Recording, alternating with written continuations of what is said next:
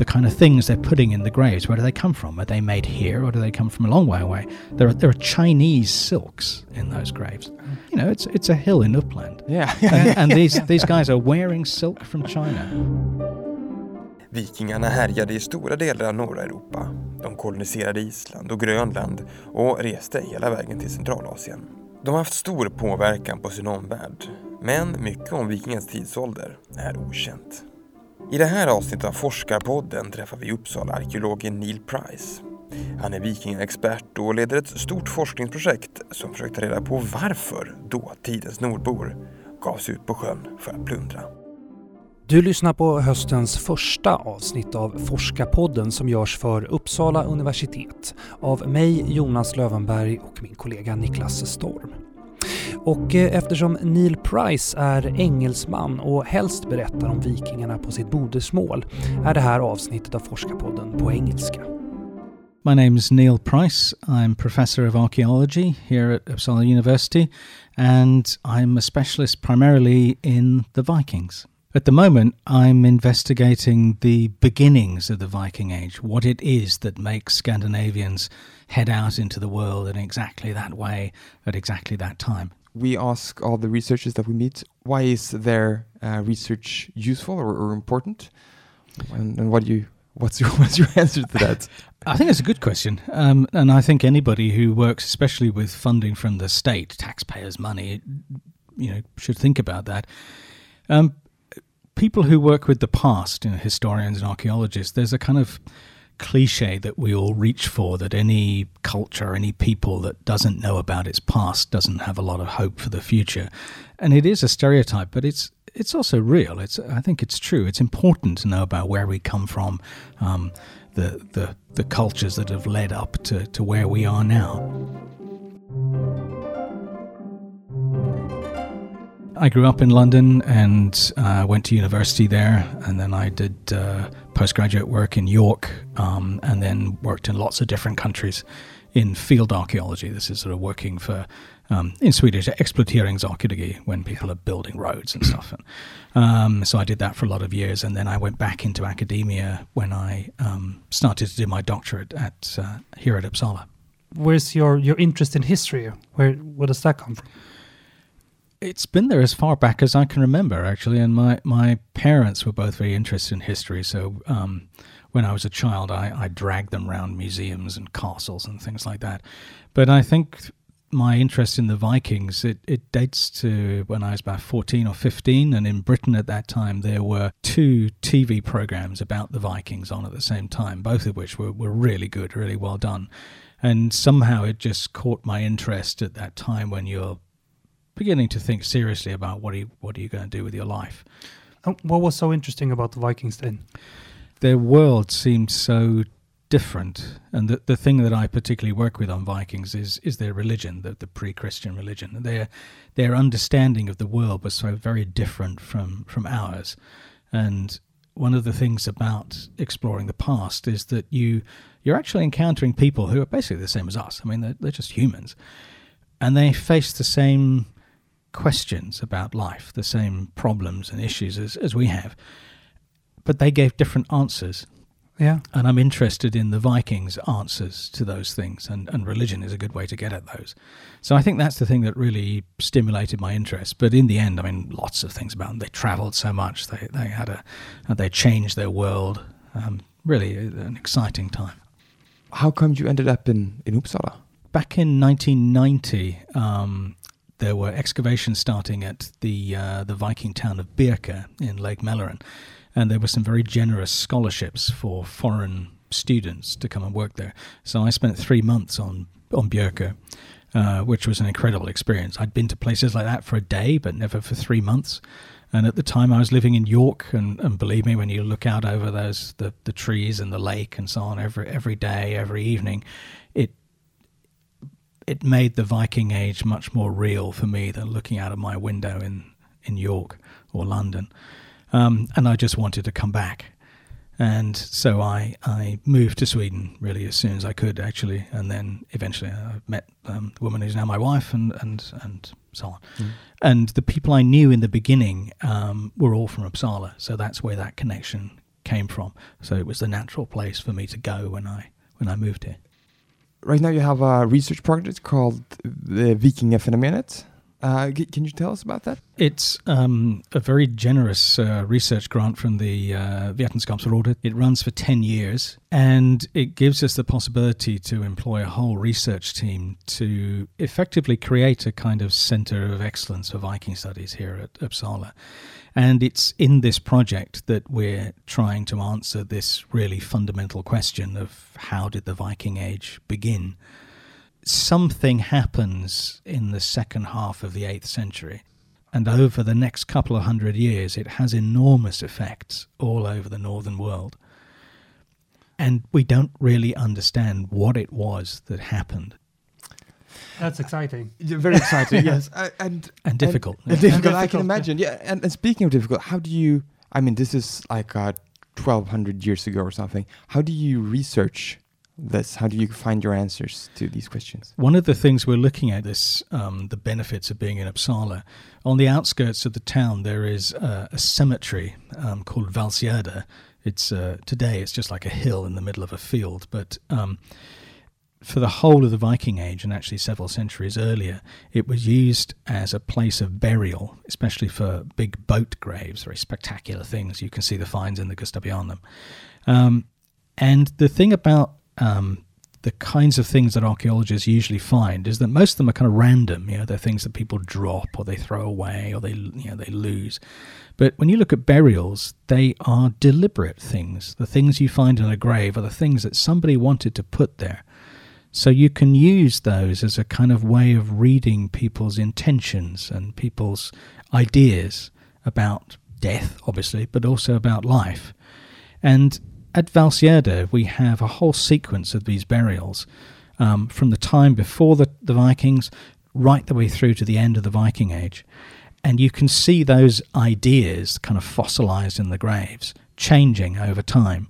And then you can link the things you find in the graves to the settlements and um, high status residences and even sort of royal sites around um, around Valsgärde. So you can use that cemetery as a kind of lens to look at the Viking Age. What are they saying about themselves? What are they saying about their place in the world? The kind of things they're putting in the graves, where do they come from? Are they made here or do they come from a long way away? There are, there are Chinese silks in those graves. Oh, I mean, really? you, so you have these enormous contacts. Wow. When you think of this as, you know, it's it's a hill in Uppland. yeah, And, and these, these guys are wearing silk from China. How do they get that? amazing. Yeah, Yeah. that's amazing. And that's the kind of way you can you can sort of track this over time, and that that's just a part of this project. And as I said, we have ten years, but um, that's the sort of ways in which we're working with um, th- these questions. But but also you I know you've talked you know a lot about uh, Viking burials. What's so special about Viking burials? What I find exciting about them is that they're so detailed, they're so rich. I don't just mean in sort of wealth terms, but they're they're, they're so um, they're so rich in information. Um, every single Viking burial is different, which is a kind of strange thing. You think we've we've excavated. I don't mean we personally, but you know, archaeologists have excavated tens of thousands of these graves, and you can put them into patterns like people buried in boats or people buried in things called chambers, like little underground rooms, or people cremated under a mound. You can see them out in the countryside, know, when you drive around. But once you get inside the basic construction, what they actually do in just that grave for that dead person is always unique. That the objects they choose, where they place them, and sometimes you can tell how they placed them, what sequence they did things in. So if you have one object on top of another, then you know the one on top was placed later. You can get sequences. You can see what they're doing. We also have um, written descriptions of Viking funerals, and these things can take up to ten days. You know, it's it's a it's a big party. Everyone's involved. There's, there's so when we we find things in a rather dry, dusty way on an archaeological site, just a few bits of rusty metal and ash and so on.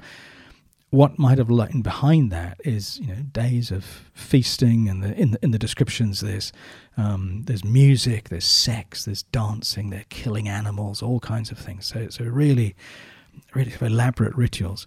Um, and and you don't find that in a Christian cemetery. One hopes. Um, Rarely. so it's a it's a it's a very different world. Like I was saying earlier, Yeah. this idea of a a, um, a different way of looking at the same world that we all live in. That's what I find interesting.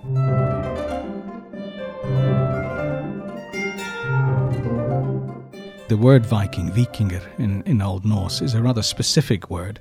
It means someone who made their living from a life of kind of robbery with violence at sea, basically a kind of pirate. Um, and you could be a Viking uh, for all of your life. You could do that for a while and then stop and then go back to being a Viking. Um, you could be a Viking at the same time as you did lots of other things as well.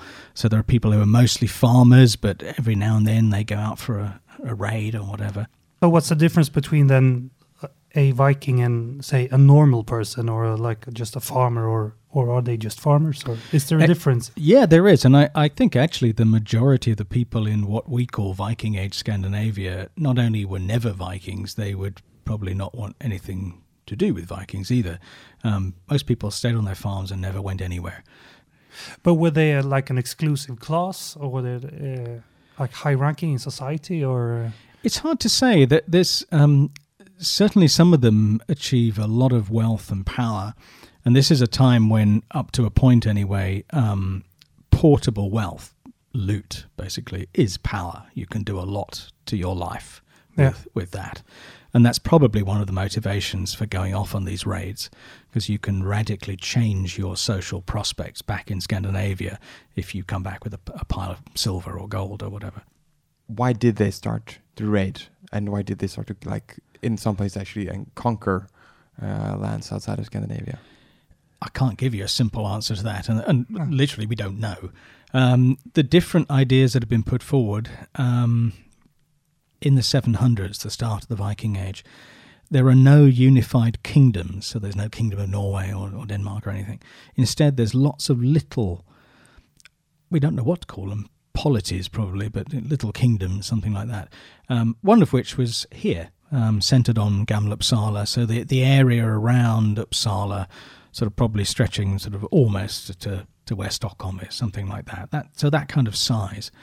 And these little kingdoms are kind of independent of each other, but also kind of dependent on one another, and they also compete.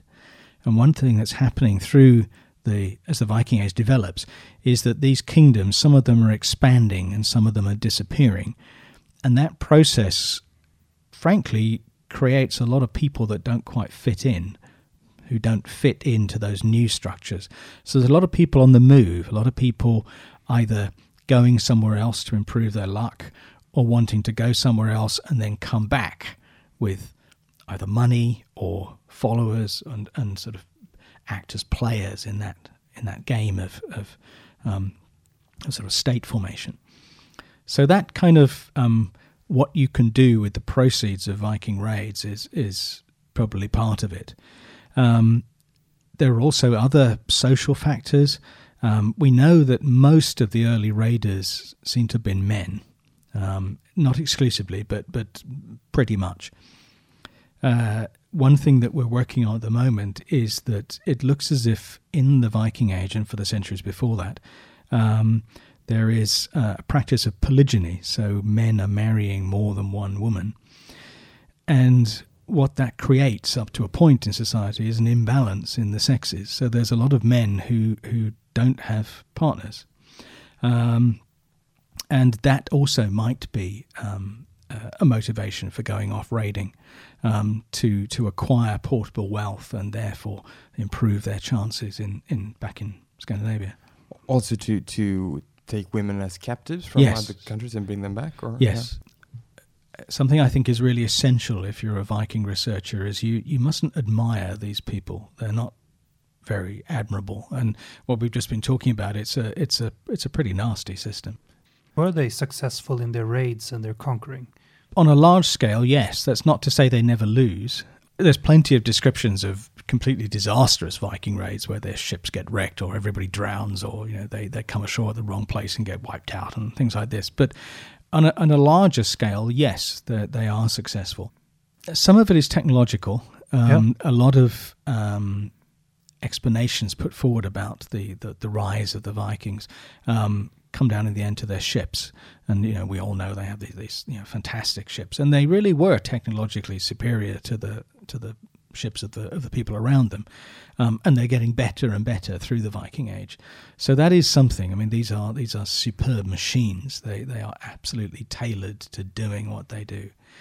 But also, um, we know that uh, the kinds of people that went on Viking raids, these are people who are um, quite high status, or at least have the, the, the power and the and the money to to temporarily give good equipment to their followers.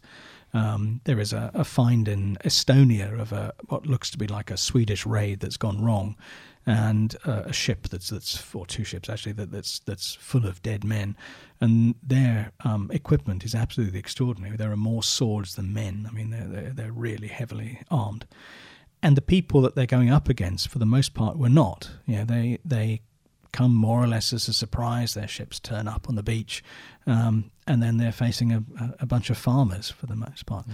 And when they when they're not doing that, when they suddenly come up against um, a seriously organised defence force, it's not always uh, the case that it goes the Vikings' way by any means. So it's mainly circumstance and preparation, I think. What kind of impact did the Vikings have on the world outside of Scandinavia? There are a number of regions where Scandinavians settled down, yeah. um, particularly England, um, parts of northern Scotland, so the islands like the Orkneys and Shetland and so on. They certainly colonized the North Atlantic, the Faroes, Iceland, Greenland. Um, not so much on mainland Europe. Uh, Normandy is the the um, the lasting Scandinavian colony there. So there are some parts of the world that were politically, sh- really directly shaped by the Scandinavians.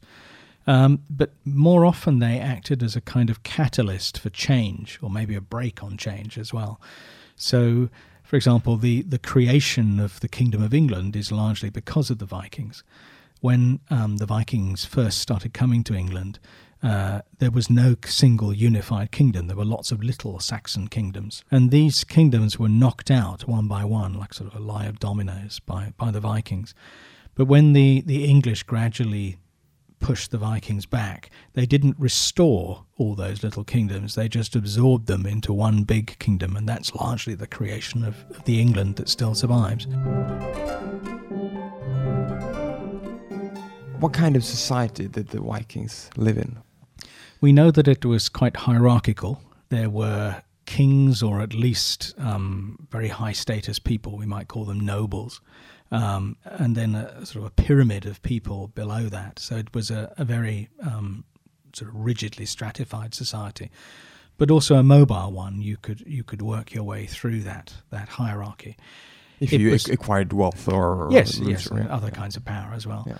One of the ways in which people maintain that that power structure is through violence or the threat of it. So anyone who achieves a position of prominence in the Viking Age has either done so either directly through force or at least with the potential to use it if they want to. Um, so it is an intensely um, militarized ideology as well. Um, it was largely an agrarian society, so people lived out in the countryside in little villages and farms.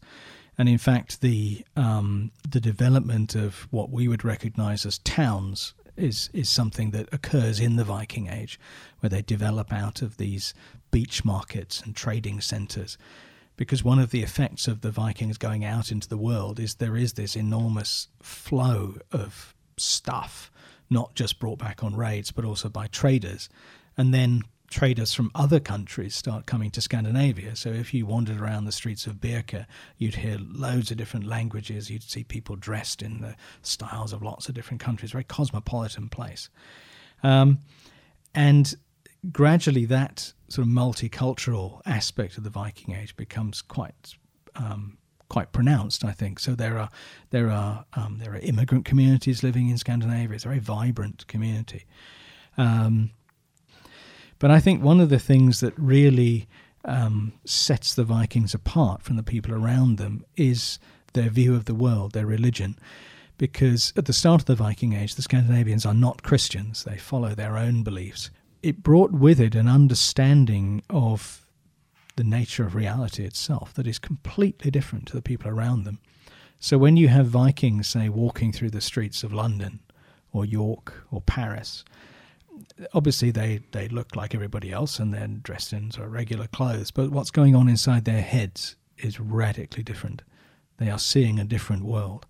And that's something I think we need to really get to grips with if we're going to understand what's going on um, in the Viking Age. How do we think the Vikings saw the world? Most of the world religions today see a kind of um, a normal world where we live, and then something resembling a heaven, and perhaps something resembling a hell, like a good place and a bad place that you might go when you die.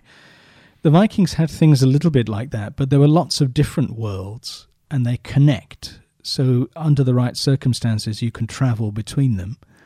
Um, so, the actual world through which you move is not the same for a pre Christian Scandinavian as it would be, say, for us. Um, that's the first thing.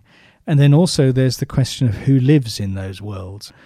We have a concept of the supernatural, and I don't think any Viking Age person would have understood that. There is this population of beings, whether there's elves and dwarfs and trolls and giants and all kinds of spirits and monsters and things, that the Vikings share their world with and might reasonably expect to meet. That experience of living in the world would have been very different in that way, I think.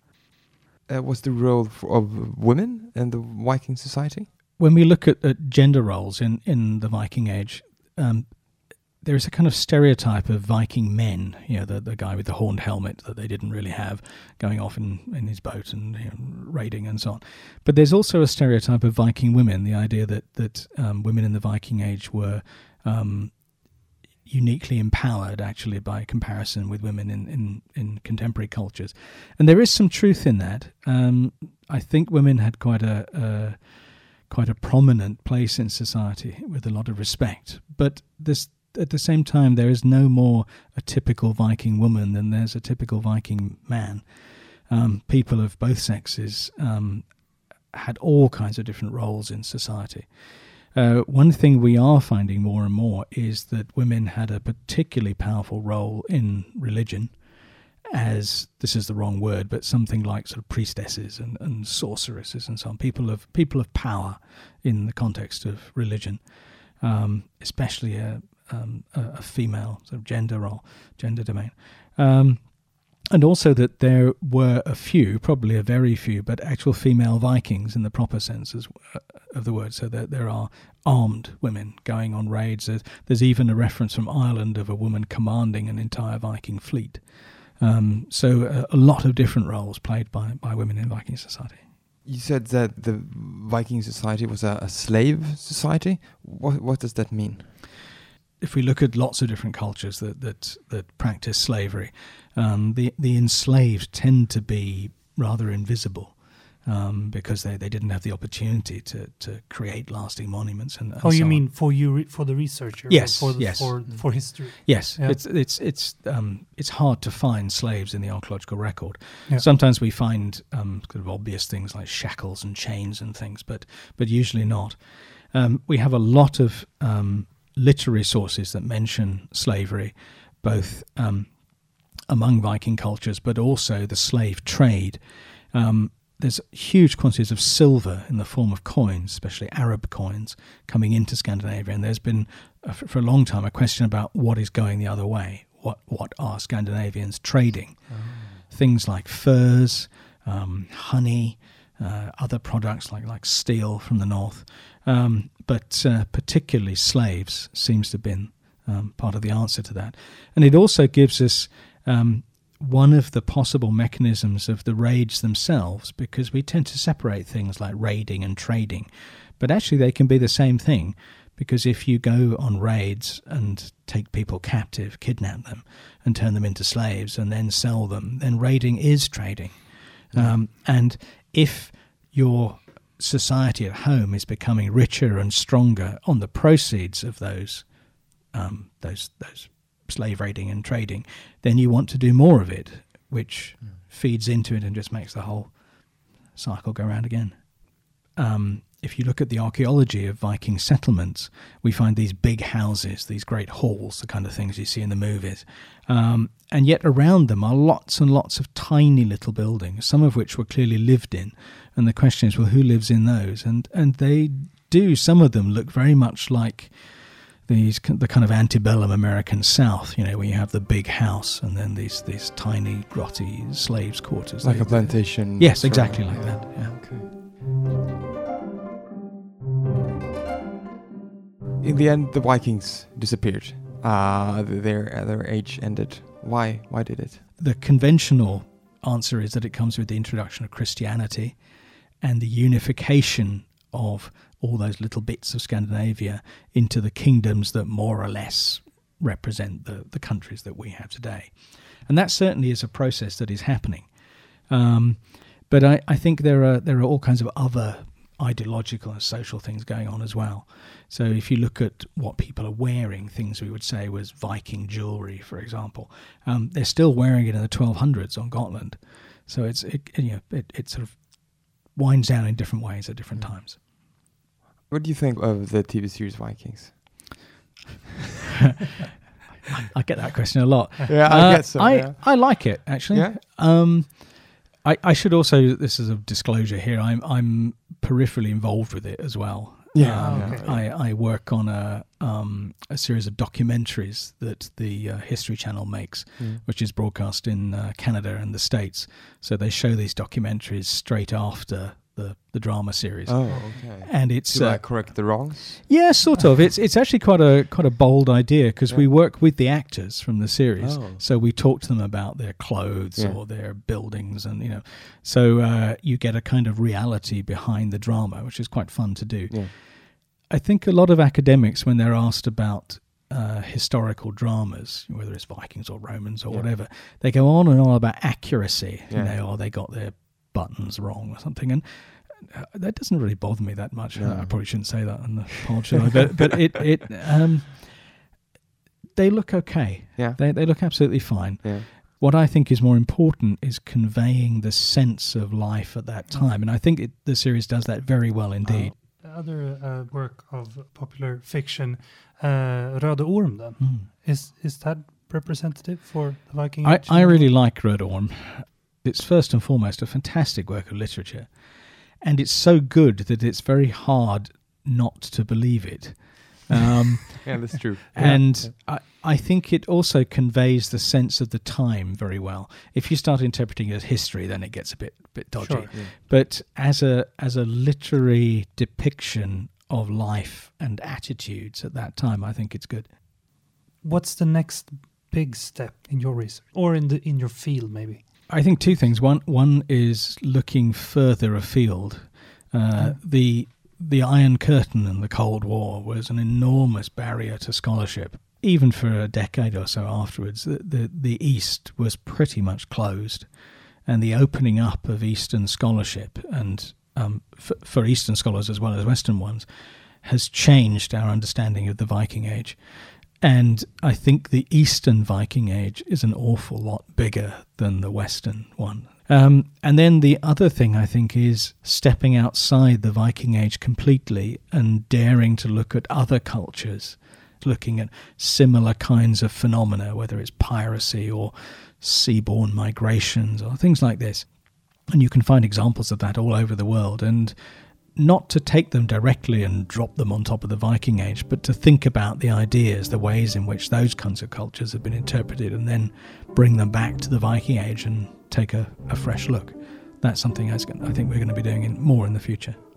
Thank you very much, Yeah, Neil. thank you Oh, very thank much. you. It's been very interesting and and uh, eye opening. Yeah. about about the Vikings. Yeah, thanks. It's been a pleasure. Yeah, thanks.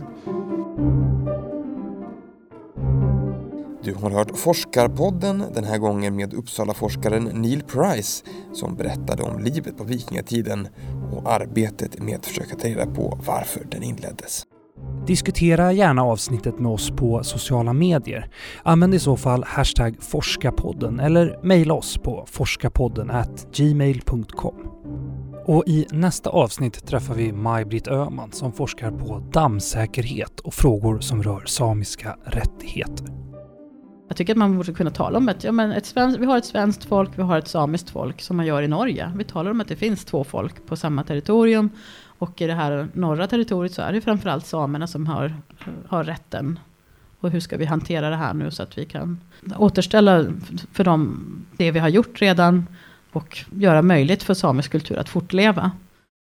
Du har hört Forskarpodden, en produktion av Piggelkott Media för Uppsala universitet med musik av Marcus Sjöblom.